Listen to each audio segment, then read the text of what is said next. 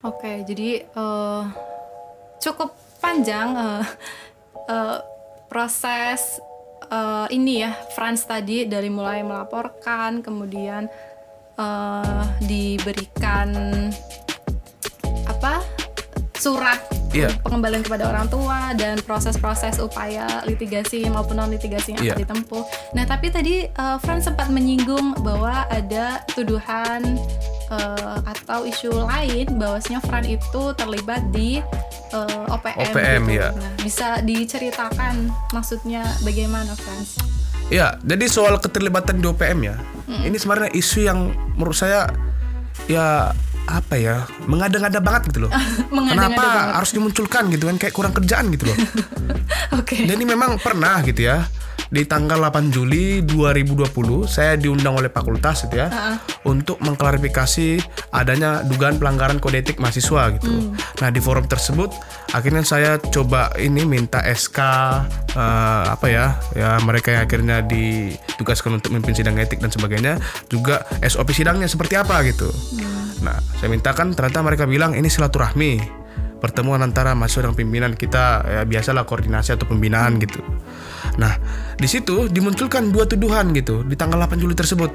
Tuduhan pertama, saya dituduh melakukan keonaran atau provokasi dalam kampus. Dan sebenarnya itu memang saya sudah duga pembahasannya akan ke sana karena memang sebelum eh, pertemuan itu dilakukan, ada memang beberapa kali aksi yang dilakukan oleh teman-teman mahasiswa UNES, termasuk saya di dalamnya gitu ya, untuk meminta adanya keringanan biaya kuliah di masa pandemi. Hmm. Karena kemarin kan situasi Covid gitu ya. Situasi- ya pandemi. harusnya pembayaran UKT juga harus di eh, di ini dong disesuaikan Iya, dong. disesuaikan. karena ini kan nggak masa normal gitu loh. Misal Iya. eh, keuangan orang tua kita ter apa ya terganggu gitu ya. Adanya mungkin eh, penurunan pendapatan bahkan adanya peningkatan pengeluaran bisa jadi kan gitu. Terus yang lebih penting adalah karena kuliah itu dialihkan menjadi bentuk daring. Iya. sehingga sarpras di bangku perkuliahan tidak kita dapatkan sehingga nggak fair dong kita bayar full di masa akhirnya kita nggak menikmati apa pun gitu kan bahkan kuliah juga apalagi- diselenggarakan lewat aplikasi Zoom Iya, kan gitu apalagi uh, Iya. dengan pandemi itu kan eh, perekonomian sangat terdampak sekali Iya, kan ya. iya. Terus akhirnya ada tuduhan yang kedua gitu kan. Ya, yakni keterlibatan saya di OPM. Nah, ini yang menurut saya ya saya akhirnya nggak persiapkan sebelumnya apa pembelaannya gitu kan. Dan cenderung akhirnya dicari-cari. Nah, mereka akhirnya menampilkan nih. Iya, menampilkan postingan Facebook saya. Nah, saya bilang selain memang Facebook saya di stalker sama mantan saya, ternyata pimpinan gitu ya. Oke. Juga akhirnya ikut mencari-cari postingan dari mahasiswanya ternyata kan gitu. Jadi stalker gitu ya. Iya, jadi ada postingan memang di bulan Juni gitu ya, yang saya upload di media sosial Facebook gitu ya. Ah, jadi sebelumnya, sebelum saya upload itu, saya memang pernah mengikuti aksi bersama teman-teman Papua yang itu diikuti bukan cuma teman-teman Papua saja, tapi organ sipil di wilayah Semarang Raya. Ada teman-teman BEM Semarang Raya gitu ya, ada organ buruh gitu ya, Semuanya ada LBH, gabungan ada ya. Gus Durian dan lain sebagainya gitu. Jadi memang Semarang Raya ini kan dia punya jaringan rakyat sipil gitu ya, yang memang rutin melakukan pengadvokasian dari berbagai sektor isu, termasuk isu yang dialami oleh teman Papua berkaitan dengan tindakan rasisme, diskriminasi bahkan kriminalisasi yang akhirnya mereka rasakan gitu. Jadi aksi itu sebenarnya untuk merespon tindakan rasisme yang dilakukan terhadap orang Papua. Juga kriminalisasi yang diberikan kepada aktivis atau mahasiswa gitu ya yang berasal dari Papua yang menolak adanya tindakan rasisme. Justru kita eh, sangat ini ya, sangat akhirnya eh, masih ingat gitu ya terkait tindakan rasisme yang dari Surabaya gitu ya.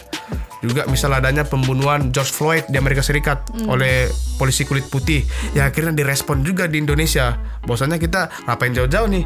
Bersolidaritas kepada eh, eh, diskriminasi yang terjadi di Amerika Serikat, bersolidaritas kepada kemerdekaan Palestina. Ternyata di dekat kita sendiri di negara juga terjadi sendiri. gitu kan. Iya, Jadi ngapain terlalu akhirnya lihat eh, ini ya Jauh di ke seberang belakang, eh, jauh ke depan. di seberang dunia gitu ya. Ternyata di depan mata juga akhirnya ada persoalan yang sebenarnya kita harus suarakan gitu. Iya. Itu dialami betul oleh teman-teman Papua gitu. Diskriminasi kepada mereka itu saya rasa secara wajar akhirnya orang lakukan gitu. Dan itu yang perlu kita lawan gitu. Kebetulan juga saya kan Gus Durian gitu ya, saya kader Gus Durian dan uh, salah satu ajaran dari Gus Dur gitu ya bagaimana cara kita untuk memanusiakan sama manusia, gitu. Justru tidak akan ada yang terima gitu ya dan tidak ada yang akhirnya mewajarkan gitu ya ketika sesama manusia didiskriminasi bahkan dikatain monyet oleh manusia lainnya gitu. Ini di mana nih manusia-manusianya nih? Masa kita misal terima gitu ya ketika mi- misal kita dikatakan sebagai monyet gitu. Dan itu yang harus kita uh, lawan bersama gitu. Iya. sehingga bentuk rasisme dan bentuk diskriminasi dalam bentuk apa pun tidak boleh akhirnya dibenarkan gitu. Dan kita harus lawan bersama. Dan postingan itu ya akhirnya dimunculkan. Oh, Oke. dimunculkan gitu ya.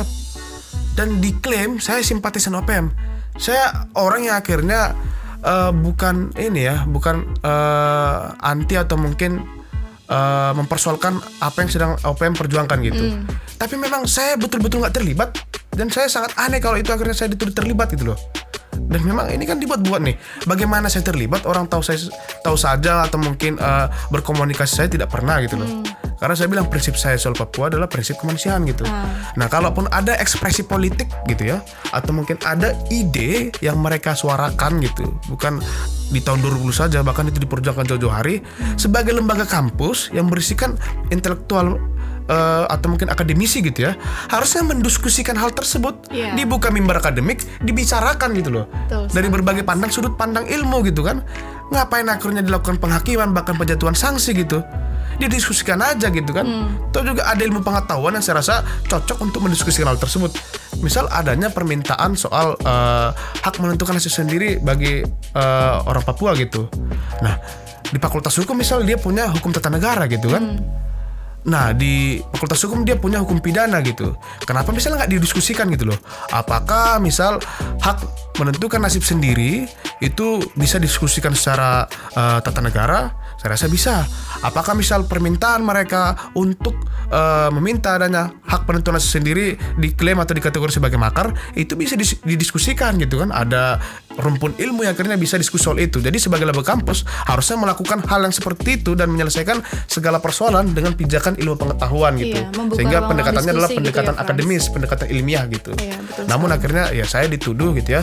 Padahal di forum itu saya sudah clearkan dan saya rasa sudah selesai. Ah. Selesai gitu kan. 8 Juli selesai karena pasca dari 8 Juli itu tidak ada proses apa pun. Ah, dan saya anggap ada. ternyata memang ya tuduhannya tidak cukup kuat gitu.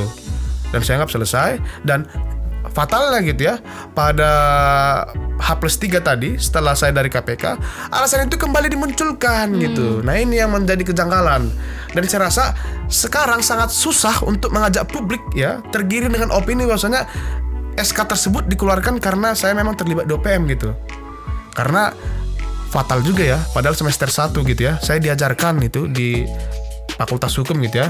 Di materi saya masih ingat betul nih materi pengantar ilmu hukum gitu. Iya. ada asas yang diajarkan adalah asas praduga tak bersalah. Seseorang tidak dapat dijatuhi sanksi ketika tidak ada putusan hukum yang inkrah atau berkekuatan hukum tetap. Namun saya malah disanksi atas adanya dugaan Nah ini kan menurut saya sangat eh, keliru kan gitu. Sangat susah akhirnya publik itu juga digiring gitu loh untuk bicara bahwasanya Franz disanksi karena terduga terlibat OPM. Padahal sanksi itu dikeluarkan H plus 3 pasca saya melaporkan rektor Melaporkan KPK rektor. gitu. Se- Seakan-akan ini ya kemudian di eh, apa ya hal yang sudah berlalu kemudian diungkit Iya, dengan ya memang mengada-ada kan sengaja Iya. kan untuk menutupi persoalan utama. Nah, persoalan utamanya apa? Tadi tuh adanya reputasi yang diklaim hancur atau mungkin terganggu gitu ya atau Hmm. mungkin menurun pasca adanya pelaporan gitu. Oke.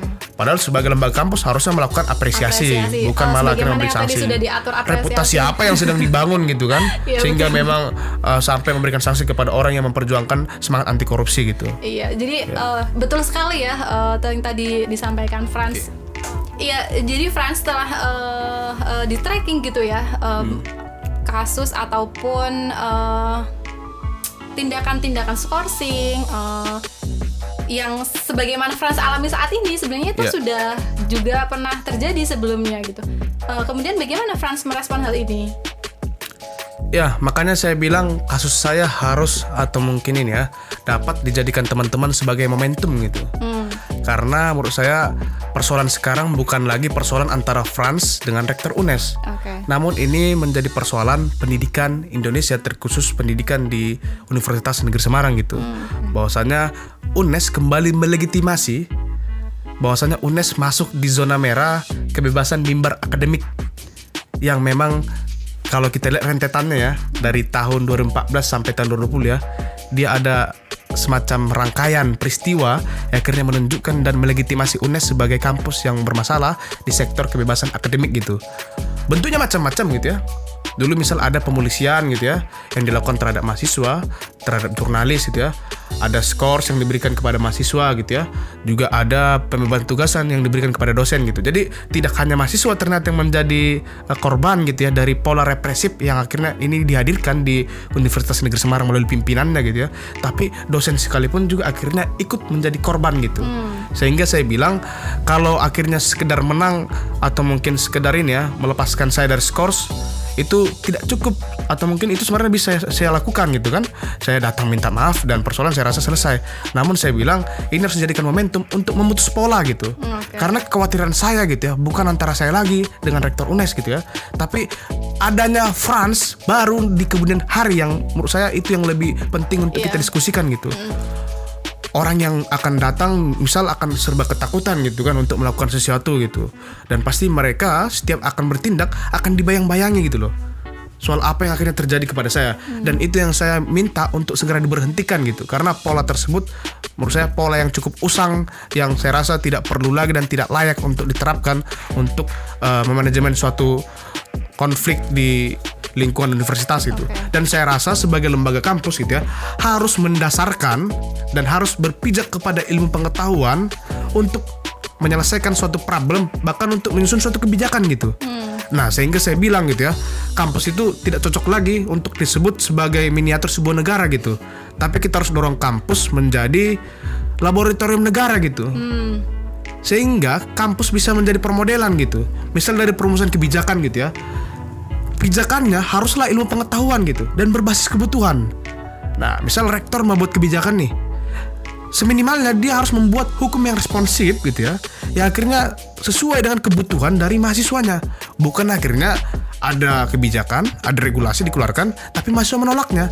Terus kebijakan itu dibuat, untuk Dibuat siapa untuk gitu kan? siapa? Padahal rektor digaji oleh negara gitu ya.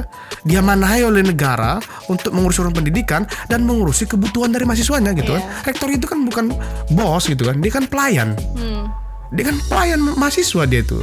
Dan untuk itu dia ditugaskan kan gitu. Nah, pijakannya harus ilmu pengetahuan. Tadi misal ketika ada tuduhan segala macam, tidaklah layak akhirnya dijatuhkan sanksi. Itu kan pendekatannya kekuasaan, bukan ilmu pengetahuan. Harusnya oke. apa? Buka aja, selenggarakan aja diskusi akademik gitu loh.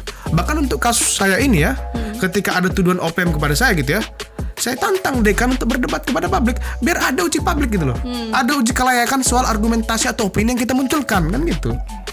Nah, ketika ada semacam penghindaran gitu ya dari pengujian oleh publik gitu ya. Nah, akhirnya publik kita suruh aja, kita minta aja untuk akhirnya menilai gitu kan. Hmm. Untuk melihat duduk perkara kasus ini sepertinya bagaimana kan gitu. Iya. Ya. Jadi eh, ini menurut Frans sendiri, apakah ini alarm demokrasi kampus yang eh, semakin tekang atau semakin apa ya? Iya, bagaimana kemudian diperangus demokrasi ya. Hmm. demokrasi kampus yang Mundur, seharusnya mundur. eh, mahasiswa bisa menyalurkan aspirasinya gitu. Tapi dengan kemudian adanya kuasa yang eh, yang ada, kemudian menjadikan eh, terkebiri gitu. eh, Iya. hak-haknya mahasiswa dalam menyalurkan uh, pendapat itu. Ya. eh ini ya, saya rasa atau mungkin idealnya gitu ya. Kampus itu kan menjadi tempat ternyaman atau safety place untuk mahasiswa gitu ya atau mungkin untuk warga kampus mengekspresikan pengetahuannya atau mengekspresikan pandangannya gitu. Nah, kampus itu seyogianya menjadi tempat ternyaman gitu kan. Karena di negara gitu ya, di depan kita sebagai warga masyarakat gitu ya, kebebasan berekspresi, kebebasan kita untuk menggunakan ini ya pilihan demokrasi gitu ya, itu terkebiri gitu kan. Akhirnya sekarang tidak asing lagi misal ada istilah reformasi di korupsi gitu ya, ada istilah apa mau tidak percaya gitu kan. Itu hashtag yang tidak sembarangan muncul, itu hashtag yang muncul karena kegagalan atau kemunduran kita dalam berdemokrasi gitu kan. Kita seolah mundur nih ke masa lampau, masa yang kita tinggalkan di rezim otoritarianisme gitu. Nah, kampus juga akhirnya sekarang melakukan hal yang sama gitu. Nah, kampus yang harusnya bisa menjadi percontohan gitu ya. Karena di kampus lah kita begitu nyaman untuk mendiskusikan apa pun gitu ya. Untuk akhirnya bicara soal apa pun gitu ya, yang kita bisa rangkai dengan uh, kaidah yang ilmiah dan kaidah yang akademis gitu ya. Ternyata kampus juga sekarang sudah tidak begitu nyaman gitu. Bahkan Kika pun akhirnya sudah merilis ya, Kaukus Indonesia untuk Kebebasan Akademik merilis gitu ya. Ada banyak data gitu kan tentang uh, buruknya kualitas demokrasi dalam kampus itu atau kebebasan akademik yang ada di dalam kampus itu kan di masa 2014 sampai 2019 gitu. Dan itu terjadi berbagai bentuk. Misal adanya pelarangan diskusi adanya penjatuhan sanksi skorsing drop out bahkan berujung kepada kriminalisasi kepada teman-teman yang akhirnya menggunakan nalar kritisnya atau menggunakan hak konstitusional sebagai warga negara gitu untuk menyampaikan pendapat di muka umum dan untuk mendiskusikan uh, apa pun itu apa pun isu itu yang saya rasa itu masih masuk dalam kategori uh, ilmu pengetahuan gitu. Hmm. Jadi saya rasa semua bisa didiskusikan gitu. Yeah. Dan tidak perlu direspon secara berlebihan gitu. Apalagi direspon dengan uh, ini ya Ya. represi, Ya. kriminalitas gitu dan lain sebagainya. ya kampus akhirnya tidak jauh beda dengan negara gitu yang represif kepada warga negaranya gitu kan. Ya, Jadi saya bingung ketika kampus gitu ya. tidak lagi begitu nyaman untuk kita mengembangkan nalar kritis, ke mana lagi atau mungkin ke tempat mana akhirnya kita uh, bisa mengekspresikannya gitu. Hmm. Mungkin kantor LB Semarang kayaknya pilihan yang paling top untuk teman-teman bisa mengekspresikan eh, dirinya gitu. Iya, Frans. Padahal eh, mahasiswa itu kan digadang-gadang untuk bisa berpikir kritis, memiliki nalar kritis. Iya, tapi harusnya kampus itu menjadi ini dong, eh, pabrik ilmu pengetahuan dong. Dia mem- dia memproduksi nalar kritis gitu kan, bukan akhirnya diminta untuk membebek atau mendewakan pengu- pe- apa ya penguasa kan gitu. Harusnya kampus itu menjadi mitra kritis dari pemerintah gitu. Bahkan setiap kebijakan akhirnya direspon dan diuji dalam kampus itu. Ternyata kita malah eh, seolah-olah menjadi humasnya pemerintah gitu kan. Bahkan kalau kita mau lihat nih di Omnibus Law kemarin ya, akhirnya berapa kampus gitu ya, berapa fakultas hukum yang akhirnya menyatakan sikap menolak adanya Undang-Undang Cipta Kerja bisa dihitung Iya. jari gitu kan. Terakhir FUGM kan gitu. Nah, ada nggak kampus yang lain yang akhirnya juga melakukan hal yang sama? Saya rasa jumlahnya bisa dihitung jari gitu. Nah, malah banyak yang akhirnya memilih mensosialisasikannya gitu. Dan ini menurut saya eh, menjadi indikator kemunduran gitu. Kualitas eh, kaum intelektual di dalam kampus pada era belakangan ini gitu. Jadi demokrasi ini sudah mengalami nestapa gitu ya. Iya. nestapa demokrasi, Frans. Oke, Dan jadi- saya masih agak berpikir apakah masih layak kita sebut negara ini adalah negara yang demokratis gitu dengan akhirnya eh, serentan pola yang akhirnya dihadirkan kepada kita masyarakat sipil gitu. Iya, karena Termasuk kita yang ada dalam kampus gitu. Ya. Iya, se- karena sering kali eh, ini ya eh, orang sekarang takut kemudian mengungkapkan pendapatnya, Ya, mengungkapkan baik dalam ide-idenya kampus gitu ya. maupun di luar kampus saya rasa sekarang ya serba mengalami ketakutan dan ketakutan itu yang akan kita putus. Karena kalau kata Wiji Tukul gitu ya, kalau kita akhirnya menghamba kepada ketakutan sama saja kita memperpanjang barisan perbudakan. Wow, luar biasa sekali, Frans. Itu baru saya search tadi sebelum ini. Siap. eh, wow, sangat luar biasa sekali, Frans. Eh, sungguh eh, saya speechless gitu ya, Waduh. tidak bisa berkata-kata atas semua tadi yang dijelaskan oleh Frans, mulai dari kronologi eh, apa kasus yang saat ini sedang ada gitu, Ya. sampai dengan tadi penutupnya itu dari eh, Wiji Tukul gitu ya. Semuanya sungguh sangat luar biasa. Oke, Frans. Em, Terima kasih banyak Frans karena Siap, sudah sama-sama. berkenan eh, berbagi dengan kawan-kawan semua gitu di podcast bantuan hukum series ketiga. Eh, semua apa ya? Apa harapan harapan Frans ke depan? Ya harapannya tidak lagi sekedar akhirnya ini ya eh, bicara soal Frans dan eh, Rektor Odes gitu ya, tapi akhirnya kita bisa mampu melihat bahwasanya ada persoalan pendidikan Indonesia yang hari ini eh, kehidupan demokrasi dan kebebasan akademiknya sedang dalam bahaya gitu. Saya nggak sebut lagi sebagai masalah, tapi sedang dalam bahaya yang harus kita selamatkan bersama gitu. Eh, SK saya ke depan saya minta untuk segera dicabut gitu ya karena publik juga mengharapkan hal serupa gitu ya. Sehingga kita fokus kepada eh, hal yang saat ini misal saya sedang eh, laporkan gitu ya soal pelaporan Rektor UNES di Komisi Pemberantasan Korupsi gitu. Dan saya rasa cukuplah Frans itu menjadi korban terakhir dari eh, tidak mampunya kita untuk menjaga nalar kritis mahasiswa dan tidak mampunya kita untuk menjamin pemberian atau mungkin ini ya eh, semacam perlindungan terhadap hak hak asasi manusia kalau dalam kampus dia ada ini ya kebebasan akademik yang dimiliki oleh mahasiswa gitu cukuplah Frans yang terakhir jangan sampai ada Frans Frans baru dengan pola yang sama bahkan berbeda gitu Hmm, oke. dan pola ini harus segera dihentikan gitu Oke. ya Ah. Eh, luar biasa Franz, Eh, terima kasih. Eh, yang pasti jangan pernah takut ketika kita benar gitu ya Franz. Siap. Iya. Bapak Oke. saya bilang itu, kalau selagi di jalan benar jangan sampai ada ketakutan yang akhirnya eh, mengikutimu gitu. Oke, Jadi biar ketakutan itu insecure sama dirimu gitu. Siap. Oke Franz, Eh, saya kira cukup eh, itu tadi ya, eh, Ya. obrolan kita sore hari ini, obrolan santai kita hari ini. Nah em, sekali lagi ucapkan saya ucapkan terima kasih dan kepada kawan-kawan semua selamat sore dan sampai jumpa. Selamat sore.